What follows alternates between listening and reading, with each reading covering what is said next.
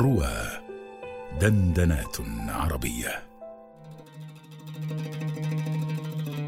بقلم رشيق فتان تدلي الأديبة اللبنانية وداد سكاكيني من عام 1913 إلى عام 1991 بخواطرها الراقية حول الحج.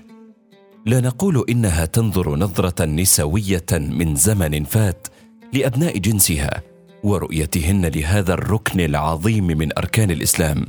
وإنما نقول إنها نظرة أنيقة لفتاة من فتيات الإسلام في العصر الحديث لهذه الشعيرة المباركة. يتهادين في الحج.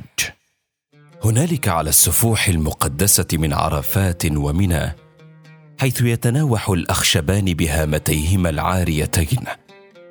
وفي عدوه المسعى بين الصفا والمروه تتهادى نساء في الحجيج متلفعات بالأبرار البيض مؤتزرات بأنقى الجلابيب.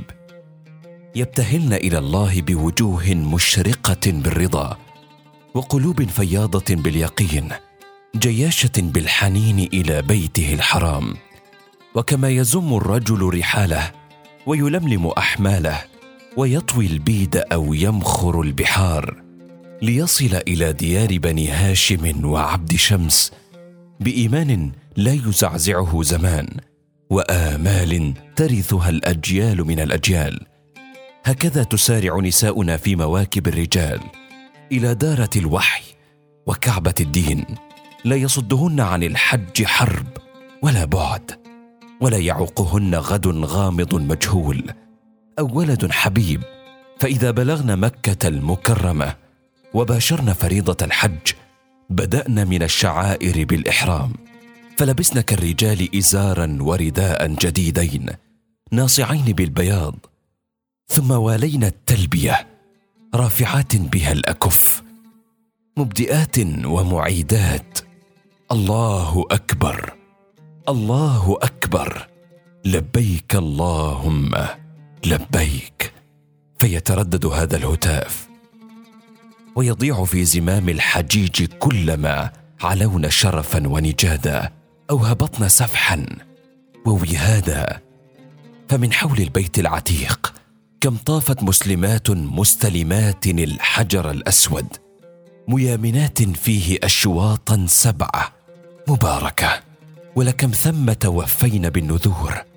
وتشبثن بالأستار الشريفة داعيات إلى الله بالرحمة والغفران وسلامة الإياب إلى الأوطان.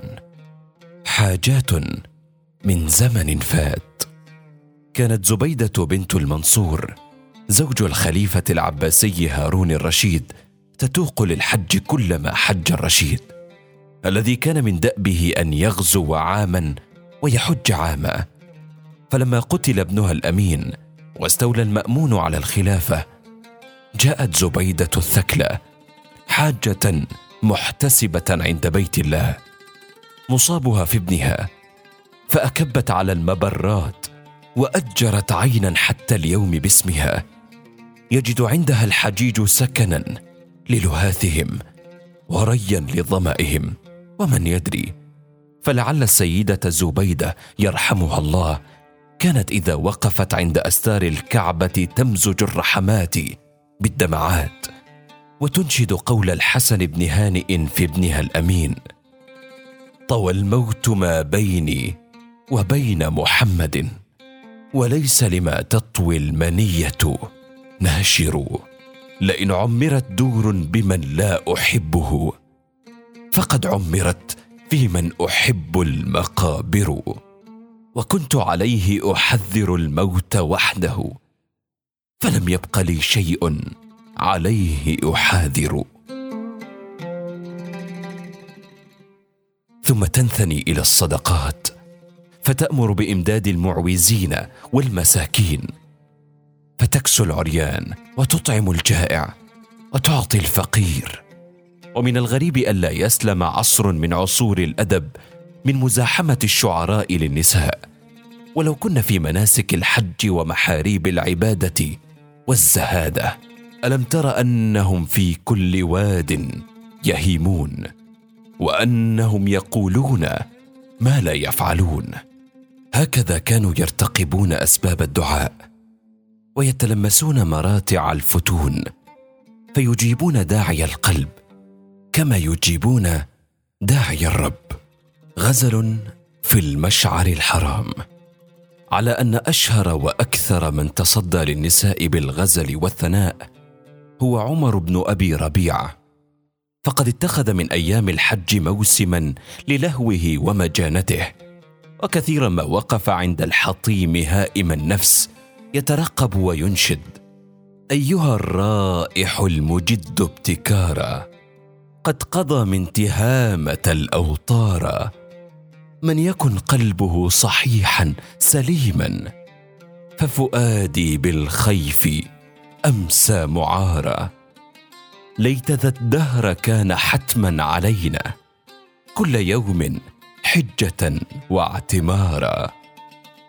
وقد بلغ من عبثه وغزله أن نفرت كل حصان رزان من الحج وأبى أحرار الرجال على نسائهم تأدية هذه الفريضة كلما جاء هذا الشاعر المخزومي إلى تلك المناسك المباركة. كان عمر يقتحم العقبات ولا يحجم عن تعقب الحسان وتتبع الغواني في مغاني الطائف أو بين مسارب العقيق وواديه البهيج. مهما لقي من تهديد الخفاء والمتزمتين ومن وعيد أصحاب الغيرة على الحرمات. ولكم هجر مكة أناس فرارا من هذا الشاعر الغزل وخشية تشبيبه بكرائمهم وتنويهه بأسمائهن وكشفه عن معالم الجمال فيهن. أما موكب النبيلات من شريفات الحجاز أو العراق والشام في مواسم الحج فكانت حافلة بالهوادج والرواحل مثقلة بالمتاع والزينة.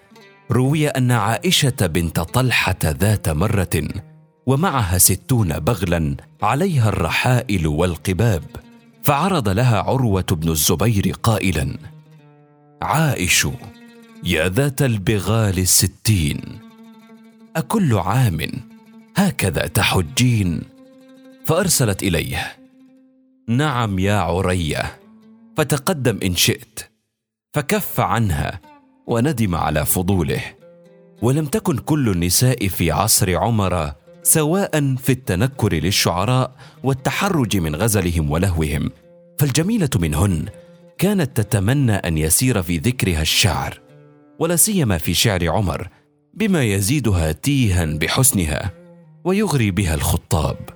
وكان الشاعر العرجي يتصدى في موسم الحج لمن عناهن بقوله من اللاء لم يحججن يبغين حسبة ولكن ليقتلن البريء المغفله ولكثير عزة وجميل بثينه والأحوص أشعار في بعض الحاجات المترفات ممن رضين بالأماديح وعدن تياهات بلقيا الشعراء مباهيات بغزلهم ونسيبهم حتى إن النواسي على مجونه لحق بجنان جارية الثقفي إلى طريق الحج فقال حججت وقلت قد حج الجنان فيجمعني واياها المسير. نساء الأربعينيات من القرن العشرين. وفي الواقع أن نساءنا في الحج كن في القديم يؤدين هذه الفريضة بشوق وحماسة ودافع ديني صميم.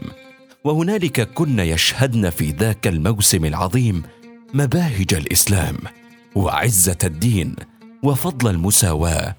وكانت الحاجة تعود إلى بلادها سعيدة جد سعيدة مزهوة بما نالت من شرف الخطوة بالأرض المطهرة التي فيها أول بيت وضع للناس التي ضمت قبر الرسول عليه الصلاة والسلام. وصحبه الأكرمين وأطلعت آفاقها المنورة كواكب رجال تسلموا مفاتح الدنيا وملكوت زمامها. أما نساء اليوم من أنداد مترفات الأسر وفضلياتهن فقلما يدور الحج في خواطرهن وهن مستطيعات إليه سبيلا إذ أن تيار الحضارة قد جرفهن بريحه العاتية نحو الغرب فسجن في بلاده وزرن عواصمه الكبرى للمعرفة والسلوى وكان إليها حجهن المبرور فيا مهبط الوحي ويا موطن النبوة والهجرة. إليك تهفو روحي هفافة كالأجنحة خالصة صافية كماء النبع متوجهة للذي فطر السماوات متوسلة إليه أن أراني يوما طوافة في البيت الحرام حوامة على ذلك الصعيد الطهور الذي درجت في حماه خديجة الكبرى وفاطمة الزهراء وعائشة أم المؤمنين وأسماء بنت أبي بكر وسكينة بنت الحسين وغيرهن من القانتات الطاهرات. ويا حجيج هذا العام من مترامي بقاع الإسلام. يا من طويتم المراحل في غمرة هذه الحرب الضروس إلى بيت الله ومثوى الرسول. سلوا ربكم أن يرفع غضبه عن بني الإنسان ويحقن الدماء التي يسفكها الجبابرة والطغاة ليقيموا على جماجم الأبرياء مجدا لجشعهم صبيغا بالنجيع.